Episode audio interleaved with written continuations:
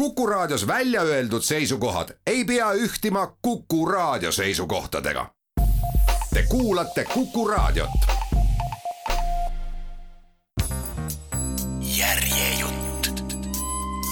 Joanna Quinn, Vaalaluu teater, tõlkinud Riina Jesmin Postimehe kirjastuselt. järjejutt. aasta viimane päev, kolmekümne esimene detsember tuhat üheksasada üheksateist, Dorset. Christabel võtab maast kepi. see sobib talle hästi pihku. ta on aias, ootab koos teiste majalistega isa, kes peaks tulema koos tema uue emaga. vormirõivastes teenijad puhuvad külmetavatele sõrmedele künnivaresed vaaguvad loiult maja ümbritsevatel puudel. on detsembrikuu viimane päev, aastapära. õhtupoolik hääbub ning muruplats on pori ja vana lume mädasoo, millest kolmeaastane Christabel oma nahast nöörsaabastega läbi plartsib, kepp käes nagu mõõk, otse kui väike valgevasest nööpidega talvemantlis tunnimees. ta vehib vihinal kepiga, nautides heli, mida see kuuldavale toob viuh, viuh, pruugib seda räpase lumekamaka suhu kühveldamiseks. Lumi on keelel niisama külm nagu jäälilled, mis moodustavad tema ärkliaknale, aga mitte nii kleepuv. selle maotu maik valmistab pettumuse. kusagil liiga kaugel, et sellest hoolida, hõikab lapsehoidja tema nime. Christabel pilgutab silmi ega tee hüüdest väljagi ta varitseb aiaservas edvistavaid lumikellukesi. viuh, viuh. Christabeli isa Jasper Seagrave ja tema vastne noorik istuvad sel hetkel kõrvuti ühe hobuse tõllas ja sõidavad mööda sissesõiduteed Jasperi perekonnamaja Chilcumi poole. see on mitme viilu ja mitme korstnaga, luuderohtu uppunud, oma kuhtunud toreduses kohmakana näiv mõisahoone väljastpoolt on maja otse kui terve hulk longus kolmnurki ja kõrgeid korstnaid ning see on ookeani kohal leenduval metsasel kaljul kügelenud nelisada aastat. vitraažaknad meretuulte ja ajaloolise arengu ees vidukil ja selle üldilme väljendab järk-järgulist raugemist. Chilkumi töötajad ütlevad, et tänane päev on eriline, aga Christabeli meelest on see igav. liiga palju ootamist liiga palju korrastamist. sellest päevast ei saa head lugu. Christabelile meeldivad lood, mis räägivad musketitest ja koertest, mitte noorikutest ja ootamisest. vihu. lumikellukeste jäänuseid üles korjates kuuleb ta rataste luist raginat kruusal. isa astub esimesena tõllast maha, ümar ja rahulolev nagu kaunast välja vupsav suur uba seejärel ilmub üksainus nööpsaapas jalg, millele järgnev sametkübar kallutab end ülespoole, et maja vaadata. Christabel silmitseb isa põskhabemega nägu. ka tema vaatab üles, seirab noort kübaraga naist, kes ikka veel tõllaastmel tasakaalu hoides on mehest tähelepanuväärselt pikem. Christabel sammub läbi lume nende poole. ta on peaaegu kohal, kui lapsehoidja ta kinni krabab ja sisistab mis sul käes on, kus su kindad on? Jasper keerab ringi. Miks laps nii räpane on? räpane laps ei tee isast väljagi. isa ei huvita teda. tõre vihane mees. selle asemel läheneb ta uuele emale ning pakub talle peotäit mulda ja lumikellukeste õielehti. kuid uus ema on meister kohmakaid kingitusi vastu võtma ta on ju vastu võtnud upsaka abielu ettepaneku Jasper Seagrave'ilt, tõrksa habemega lonkavalt ümaralt leskmehelt. mulle, ütleb uus ema ja see ei ole küsimus. kui juudne. ta astub tõllast maha ja naeratab, heljutades kätt, mis laskub puhkama Christabeli pealaele, nagu laps just selleks olekski sametkübara all on uus ema mässitud peenesse villasesse reisikostüümi ja naaritsanahast salli. Jasper pöördub töötajate poole ja teatab. lubage mul esitleda oma uut naist, proua Rosalind Seagrave. Kostab käteplaginat. Christabeli meelest on imelik, et uue ema perekonnanimi on Seagrave, mis on ju tema nimi ta vaatab mulda oma käes, keerab seejärel pihu allapoole, lastes mullal kukkuda uue ema saabastele, et näha, mis nüüd juhtub. Rosalind eemaldub tõsisest tüdrukust. emata laps, meenutab ta endale, kelle elus puudub naiselik suunamine ta juurdleb, kas oleks pidanud lapse sassis mustade juuste tarvis kaasa tooma mõned paelad või kilpkonnaluust kammi, aga siis on Jasper tema kõrval ja juhib teda ukse poole. saingi su viimaks siia, ütleb mees. Tšilkum pole kõige paremas korras. vanasti oli sissekäigu ees imeilus raudvärav. kui nad üle läve astuvad, räägib mees eesseisva õhtu pidustustest ta ütleb, et külarahvas on naise saabumisest lausa vaimustatud. maja taha on püstitatud suur telk, küpsetatakse siga ja kõik joovad pulmade terviseks kannude viisi õlut. nüüd pilgutab mees oma tweedülikonnas puhevill naisele silma ja too ei tea, mida tahetakse öelda selle silma sulgemise ja avamisega, selle teatraalse näokrimpsutusega. Rosalind Seagrave, neiuna Elliot kakskümmend kolm aastat vana, keda kirjeldati tuhande üheksasaja neljateistkümnenda aasta Tatleri väljaandes kui tasakaalukat Londoni debütanti, sammub läbi Chilgumi kivist sissekäigu puupaneelide ja galeriiga ruumi, mis sirutub üles nagu keskaegse rüütli koda. see on õõnes kui korsten, seda valgustavad ähmaselt valgevasest seinalühtrites hubisevad küünlad ning õhk on seiskunud otse kui üksildaste paikade tühjades kabelites. on kummaline tunne astuda võõrasse majja, teades, et selles peitub su tulevik. Rosalind vaatab ringi, püüdes maja uurida enne, kui see teda märkab. eeskoja tagaseinas on kamin, suur kivist ja läitmata. selle kohal ripuvad ristatud mõõgad mööblit eriti ei ole ja see ei kütkesta teda, nagu ta oli lootnud. raudhingedega nikerdatud tammekirst, raudrüü, metallkäes oda, kappkell, pudenev jõulupuu ja tiibklaver, millel vaas liiliatega. klaver, nagu ta teab, on pulmaking tema mehelt, aga see on pandud seina äärde hirvepea toppise alla. Seintel ripub teisigi loomapäid, klaassilmadega lõvisid ja antiloope koos iidsete kobeläänidega, millel kujutatakse profiilis inimesi, kes vehivad nooltega. kuna sinine on viimane värv, mis kobeläänidel tuhmub, on kunagistest rõõmsatest lahingupiltidest saanud kurvad veealused stseenid. kaminast paremal viib puust keerdtrepp maja ülemistele korrustele ning kummalgi pool Rosalindi juhatavad kulunud Pärsia vaibad läbi kaarjate ukseraamistute teed pimedatesse tubadesse, mis juhatavad omakorda järgmistesse pimedatesse tubadesse viivatesse ukseraamistustesse ja nii edasi, otse kui lõpmatuse illustratsioon. kui ta edasi astub, takerdub tema saapakonts ühte vaipa. Rosalind arvab, et pidude ajaks tuleb vaibad ära võtta. Tema kõrvale ilmub Jasper, kes räägib ülemteenriga ütle mulle, Blythe, kas mu hulgusest vend on saabunud? ta ei vaevunud laulatusel nägu näitama. ülemteener raputab vaevumärgatavalt pead, sest just nii juhitakse tšellkummi, nii tuttavlike ja kulunud liigutustega, et neist on saanud liigutuste puudumine. mulje millestki, mis kunagi oli, kivisse jäänud fossiilikuju. Jasper kirtsutab nina, pöördub oma naise poole teenija tüdrukud juhatavad su sinu tuppa. Rosalind saadetakse trepist üles. ta möödub mitmest maalist, mis kujutavad krookraedega mehi, kes peavad keset jahti pausi, et lasta maalida oma portree, sukkadega kaetud sääred veel soojadel metssea-korjustel. Christabel vaatab nurgast.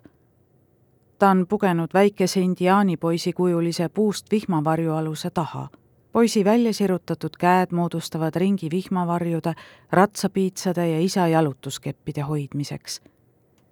Christabel ootab, kuni uus ema on vaateväljalt kadunud, jookseb siis läbi eeskoja tagatrepi juurde, mis on pilgu eest peatrepi taha peidetud.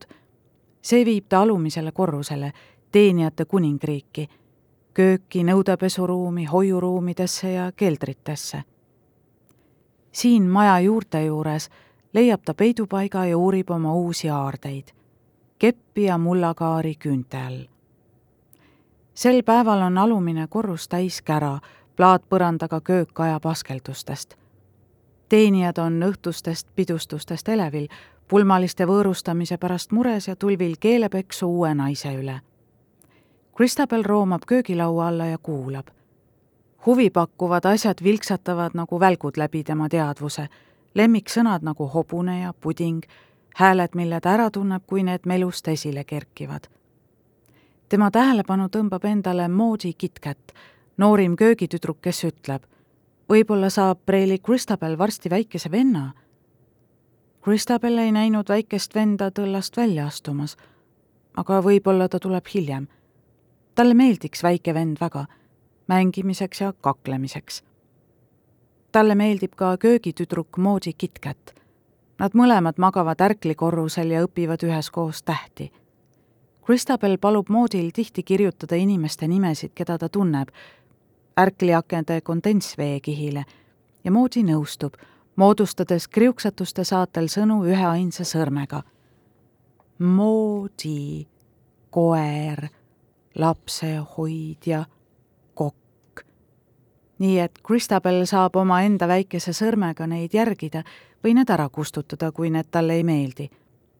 mõnikord käib Moodi tal öösel külas, kui Christabel näeb unenägu, mis paneb ta karjuma ja Moodi silitab tal pead ja ütleb tss, väikseke, tss, ära nuta köögis ütleb kokk. ja mõisa pärija, mis? Loodame, et äh, Jasper Seagrave on ikka veel võimeline. järgnevad naerurõkatused. meeshääl hüüab. kui ta hakkama ei saa, lähen appi ja teen ära.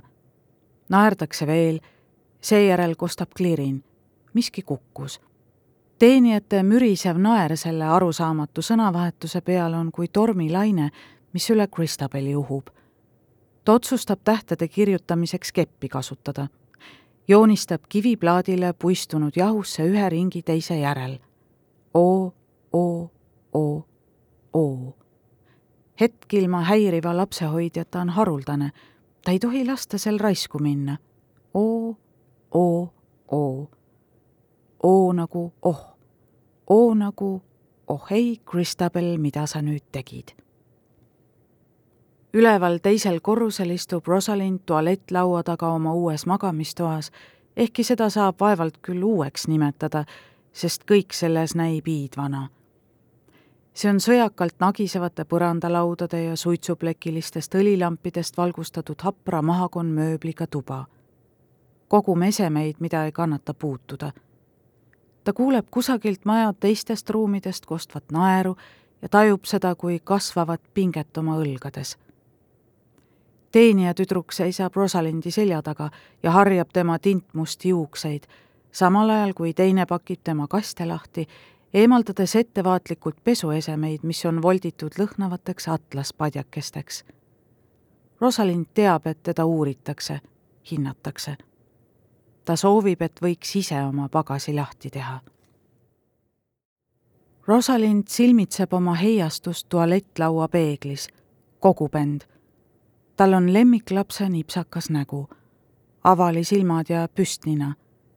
seda täiendab iseõpitud komme käed lõua all kokku panna, nagu rõõmustaksid teda ootamatud kingitused. ta teeb seda nüüdki. tal läks kõigest hoolimata hästi, ta peab seda uskuma. Londonis oli olnud teravaid ütlemisi, vihjeid rumalatele amelustele mõistaandmisi, et ta on oma võimalused ära rikkunud, olles sõbralik liiga paljude austajatega. kuid nüüd olid need mehed läinud. ükshaaval olid kadunud kõik võluvad poisid, kellega ta oli tantsinud, jalutanud ja õhtust söönud. alguses oli see kohutav ja siis tavaline, mis oli hullem kui kohutav, ent mitte nii väsitav. mõne aja pärast oli see lihtsalt miski, mis juhtus. Nad lahkusid lehvitades, rongidega ning sängitati mulda võõraste nimedega paikades, mis said üha tuttavamaks.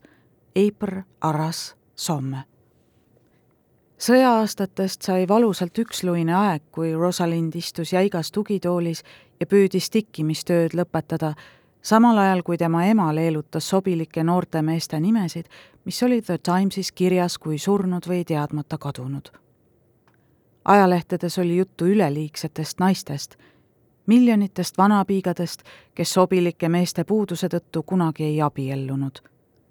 Rosalind lõikas ajakirjadest välja seltskonna mõrsjate pilte ning kleepis albumisse, õnnelike pääsenute albumisse ta kartis, et temast saab mustades rõivastes jäänuk nagu tema lesestunud ema, kudumiskorvide ja pirtsakate jalajäride lõksus üksik naine, kes sekeldab teetasside ja tillukeste ahvinäoliste koertega. Isegi kui suur sõda lõppes, polnud enam kedagi, kellega seda tähistada. käputäis vastuvõetavaid mehi, kes koju tulidki, jagasid pidude ajal lahingujutte südamlike tüdrukutega, kes olid vormirõivast kandnud samal ajal kui Rosalind seisis seina ääres, tantsukaart tühi. nii et kui ta tutvus Jasper Seagrave'iga, leskmehega, kes otsis noort naist, et too sünnitaks poja ning pärija, näis nagu oleks talle ruumi tehtud, avatud tilluke koridor, mille kaudu ta sai roomata pulmapäeva apelsiniõie valgusse, kus teda ootas omaenda kodu. ja siin ta on. ta sai hakkama. talvine laulatus, mitte just ideaalne, aga ikkagi laulatus. hoolimata peigmehe põsekoopa muredest. hoolimata mehe pealekäimisest, et sõidetaks rappuva tõllaga. Hoolimata sellest, et vaade logiseva tõlla akendest hüples siia-sinna nagu dekoratsioonid, mida liigutavad asjaarmastajatest lavatöölised. hoolimata pitsitavast kriipivast tundest südames. seda kõike sai parandada Rosalind tõstab oma uued briljantkõrvarõngad kõrvade juurde. ta vaatab peeglist, kuidas üks teenijatüdruk tema vandlikarva sifoonist hommikumantli voodile laotab, kohendab seda lugupidevalt himustavate kätega nelja sambaga sängil, millel on kõrge madrats, otse kui muinasloos printsessist herneteral. pimeneva akna tagant kostab lõkkepraginat, häältepominat, kui saabub külarahvas ja tunda on küpseva liha küllast kõrbelõhna Christabel seisab aias tule ääres ja jälgib tähelepanelikult piimapõrsast, kes ripub leekide kohal vardas, punane õun keerlevasse suhu topitud. Tüdruk hoiab keppi paremas käes. vasak käsi on mantlitaskus, sõrmed silitavad teisi, äsja trepi alt leitud aardeid, ajaleheriba ja pliiatsikönti. Need väikesed asjad, mida saab puudutada, rahustavad. ta kuuleb, kuidas lapsehoidja teda otsides läbi maja tormab vihane hääl jookseb naise eel otse kui kari haukuvaid hagijaid. Christabel teab, mis järgmiseks juhtub. Karistuseks kadumise eest viiakse ta ülemisele korrusele oma magamistuppa ilma õhtusöögita. küünal puhutakse surnuks ja uks pannakse lukku. ärklikorrus muutub varjurohkeks ja seal on lõputult nurki. muutlik pimedus, mida rehitseb kuu aeglaselt liikuv helgiheitja suur ilma lauta silm. Christabel liigutab pöialt üle kepi kurrulise koore edasi-tagasi.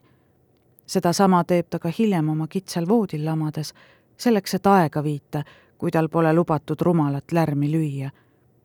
kui ta oli väike titt, lõi ta lärmi ja lapsehoidja sundis teda kandma jakki, mille varrukad olid ümber tema seotud, et ta ei saaks voodist välja ronida.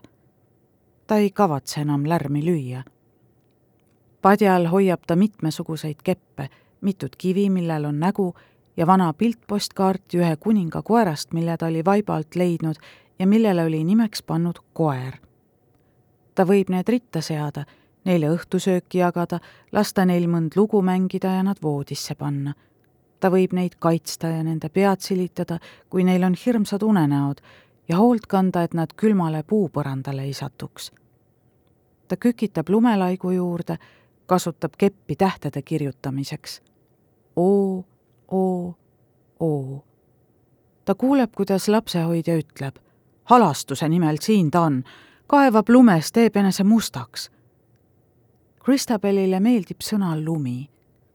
ta sosistab seda endamisi, seejärel jätkab tööd, oma igapäevaseid harjutusi, kirjutab tähti, moodustab sõnu, võtab nimesid. lumi järgmine hommik, esimene jaanuar tuhat üheksasada kakskümmend. Uus aasta, uus aastakümme, uus maja, uus abikaasa.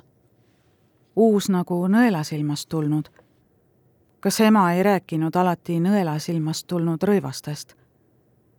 Rosalind tunneb, nagu oleks ta nõelaga abieluvoodi linade vahele kinni torgatud. tema seljas on jäikus, mis meenutab dinosauruste luustikke Londoni muuseumides. ta on paigale naelutatud. eksponaat.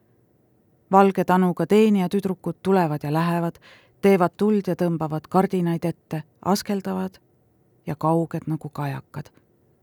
aknast näeb Rosalind okstega vehklevaid raaguspuid. Jasper ütleb, et abielunaise rolliga harjumine võib tal aega võtta. ta ütleb, et Rosalind on noor ja mehega olemine on talle võõras. talle turgatab meelde kujutluspilt augustiõhtust paadikuuri juures koos Rupertiga, kelle vuntsid kriibivad tema kaela nagu terasvill. ta tõrjub selle eemale Jasper arvab, et ajapikku ta harjub oma abielukohustustega. ta harjub harjumatuga. ta püsib täiesti vagusi, sest näib võimatu, et need harjumatud teod on selles toas koos sääraste vankumatult tavaliste esemetega, nagu tema hõbedast juuksehari ja öölamp. Teenijatüdrukud toovad talle hommikusöögi ja asetavad kandikuga tekile, nii et tema silme ees avaneb ebameeldiv pilt kuhi sültjat munaputru, mida katab vorsti kaarduv kõhr. ta katab kandiku salvrätikuga ja sirutab käe klaasist pihusti järele. ja Yardley Kölni vesi vinetab õhku. teenijatüdrukud mööduvad ja astuvad sisse, mööduvad ja astuvad sisse. Rosalind kuuleb omaenda häält, mis lausub sobilikke sõnu. Pole erilist isu, tänan südamest teenijatüdrukud viivad sõnad ja söömata toidu ära. toanurgas seisva Hiina sirmi taha on peidetud märkamatu keerdtrepp, mis laseb neil tulla ja minna ust kasutamata. varsti peab ta hakkama tegutsema. ta peab end korralikult riidesse panema ja tegema seda, mida temalt oodatakse. ta peab olema, mida Jasper ütleski, mehe hääl on pimeduses tema kõrvus kohutavalt vali nagu hiiglase hääl Rosalind peab olema tubli. Rosalind vaatab voodi kohal rippuvat gobelään baldahiini, et leida mustrit, mida oli uurinud eelmisel ööl. see on peidetud suuremasse joonisesse, omalaadne üha korduv viltune nägu, mis talle vastu vaatab.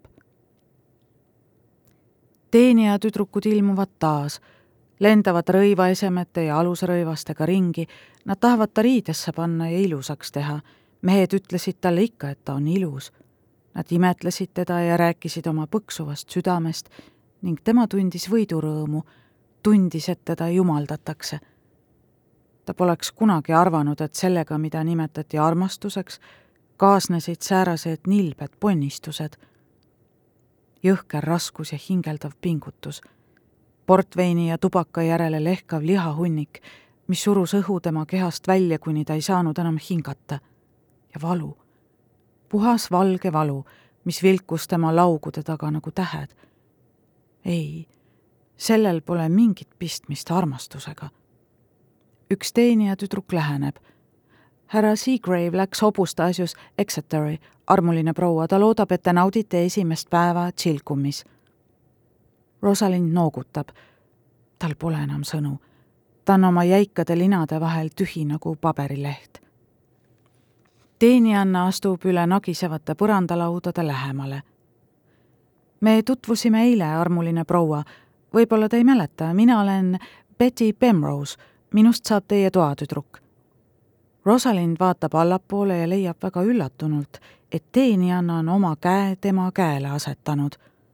Vahest soovite vanni, armuline proua, te paistate kurnatud Rosalind vaatab Betty murelikku näkku valge teenijanna tanu all.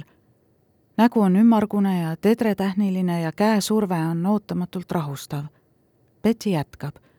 siin on mõned vanniõlid, armuline proua. Te vist võtsite need kaasa, see kosutab teid. roos, ütleb Rosalind. seal on roosiõli. väga hea. Üks armas sõber kinkis mulle selle. ta oli ohvitser sai Prantsusmaal surma. nii paljud on läinud, ütleb Betty kõrval olevasse vannituppa suundudes. mu õemees jäi Gallipolis kadunuks, teda ei leitudki. ma lasksin varem sooja vett tuua, armuline proua, nii et pean veel ainult õli lisama. mu sõbral olid tedretähnid nagu sul. tõesti? ta oli võluv. Betty ilmub taas vannitoa uksele. sel ajal, kui te vanni võtate, lasen voodipesu vahetada. panen tulle sütt juurde. me teeme ülemisel korrusel tuld ainult siis, kui on külalisi, sest kütmine võtab aega. ta viis mu ükskord Waldorfi. kas sa oled sellest kuulnud? ei saa öelda, et oleksin armuline proua. lihtsalt kõik käivad seal. Betty tuleb voodi juurde ja tõmbab õrnalt teki pealt. Lubage, ma aitan teid, armuline proua. Rosalind haarab noore naise käsivartest ning laseb end talutada kõrvalruumi, kus nõrga tule ees ootab malmist istevann, milles on veidike roosilõhnalist seisvat vett. köögiukse taga trepiastmel istuv Christabel pigistab kepi kindlalt rusikasse ja kirjutab tolmu sisse vent, vend.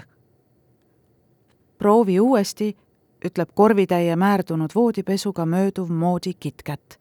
sa oled juba üsna lähedal. Jasper Seagrave'i kümmelnud ja salvitud uus proua väljub oma magamistoast ja läheb trepist alla. ta ei ole päris kindel, mida temalt oodatakse tema mees on ära ja naine ei tea, kuidas välja uurida, millal ta võiks tagasi tulla.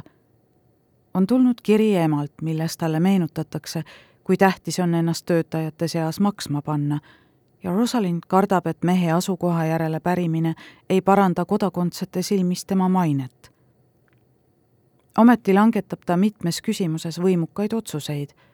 vorstid on vastikud ja kõlbavad ainult koertele, tuleb muretseda moekas vann jõulupuu tuleb välja visata koos liiliatega, ema ütleb ikka, et liiliad meenutavad talle ilmselgelt teatud naisi.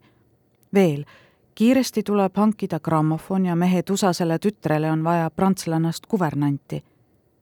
sina, kirjutab Rosalindi ema paremale kaldu käekirjas, oled majapidamises uus luud, käbe ja tugev ema juhistest hoolimata on Rosalindi meelest raske anda käske meessoost teenijatele, kellest paljud, näiteks ülemteener Blythe, on küllalt vanad talle isaks olema. Kuid oleks sünnis, et tema noor abielunaine seda ei teaks. kas ta pole siis The Lady'st lugenud, et mehed reageerivad paratamatult süütu naiivitari naiselikele võludele? ole elegantne, jätkas ajakiri ja veidi hellitatud, kuid mitte tülpinud Rosalind naaldub klaverile oma vastse abikaasa raamitud foto lähedale talle meeldib sõnapaar vastne abikaasa. See erutab teda nagu kingikarbi siitpaberi krabin. talle meeldib neid sõnu pruukida, kuigi ta hoidub fotole pilku heitmast. vastne abikaasa, elegantne, mitte tülpinud. päev möödub, mööduvad teised väga sarnased päevad Rosalind tellib ajakirju ja lõikab välja uues elus vajalike esemete pilte kübaraid, mööblit, inimesi või koostab neist nimekirja. tema magamistoa kõrval on väike tuba, buduaar, kus on olemas kõik, mida majaemand vajada võib, dekoratiivne laud, millel serveerida teed, rullkattega kirjutuslaud, elevandiluust paberinuga. Rosalind istub kirjutuslaua taga ja uurib oma ajalehe väljalõikeid nagu kulda sõeluv kaevur proua Hardcastle'i Virtina abiga tellib ta mõned olulised asjad, siidist padjapüürid, kätekreemid ja jääb neid ootama. galerii mademel seistes saab ta vaadata alla eeskotta, mida tuntakse Tammekoja nime all ja näha, kas midagi tuuakse. ta avastab, et kui ta ütleb, ma lähen jalutan veidi, kaovad viivlevad teenijad tavaliselt silmist. kui nad aga paigale jäävad, tunneb ta vajadust teha väike jalutuskäik Chilcum on üsna tagasihoidliku suurusega, ühtekokku üheksa magamistuba, kuid ehitatud ja juurdeehitustega avardatud nii, et iga osa näib raskesti ligipääsetav. selle elanikud ja töötajad peavad tegema pikki käike mööda erikumerusega käänulisi koridore, mis on kaldu nagu laevatekid. tihti tuleb ette ootamatuid trepiastmeid, etteaimamatuid mademeid. aknad on kitsad kui noolepilud ja kiviseinad katsudes niisked Rosalind läheks välja, aga välismaailm näib kättesaamatu. Londonis oli vaba loodus korrastatud parkideks. videvikus leidsid laternasüütajad radu ääristavad gaasilambid pikkade ritvadega ning kuldsed ringid ärkasid terves linnas hubinal ellu. kuid Dorsetis laskub pimedus nii täielikult, et see meenutab söekeldrisse kukkumist. Pole ei kõlakodasid ega raidkujusid. Üksnes pahaendelised metsad ja mõni aaker mõisamaad, kus elutsevad vaid iidvanad puud, tarad tüvede ümber, nagu oleks igaüks neist viimane omataoline. üks kiprunud tamm on nii igerik, et selle oksad on toestatud metalllattidega. miks ei lasta seal surra? juurdleb Rosalind, sest puu on väga inetu. pelk koorest kest pingule tõmmatud nagu vangikongi seina külge aheldatud inimene. Maja taga on hoov, mida ääristavad tellistest kõrvalhooned, pesuköök, tööriistakuurid ja tallid. kõrvalhoonetega külgneb müüriga ümbritsetud köögiviljaaed, mille eest hoolitseb käruga edasi-tagasi rühkiv aednik. mõnikord ripuvad ukselinkide küljes surnud faasanid või jänesed. kostab teenijate tasast juttu ja naeru Rosalind vaatab mademeaknast, kandes hoolt, et teda ei nähtaks.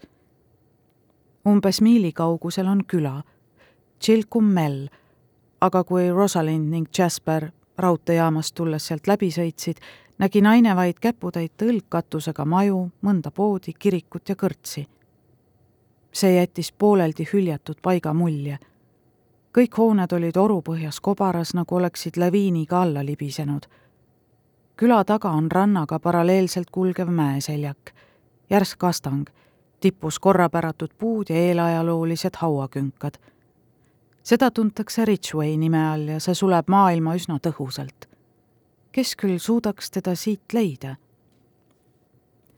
kurameerimise ajal oli Jasper talle rääkinud, et Ridgway'd peetakse künkaks, millest Yorki vana suurhertsog oma kümme tuhat meest üles viis ja alla tõi mida ta ometi seal tegi? oli Rosalind vastuseks küsinud, teades, et see pole soovitud vastus. Mees oli teda kosinud peamiselt ajaloolistest sündmustest jutustamisega, nii nagu kass omanikule ikka ja jälle surnud hiiri toob, hoolimata hämmeldavast tõsiasjast, et neid tänulikult vastu ei võeta. isegi nende suhte alguses oli olnud too kohmakus, pinevad naeratused ja väikesed ebameeldivad korraldused järjejutt. Joanna Quinn, Vaalaluu teater, tõlkinud Riina Jesmin Postimehe kirjastuselt. järjejutt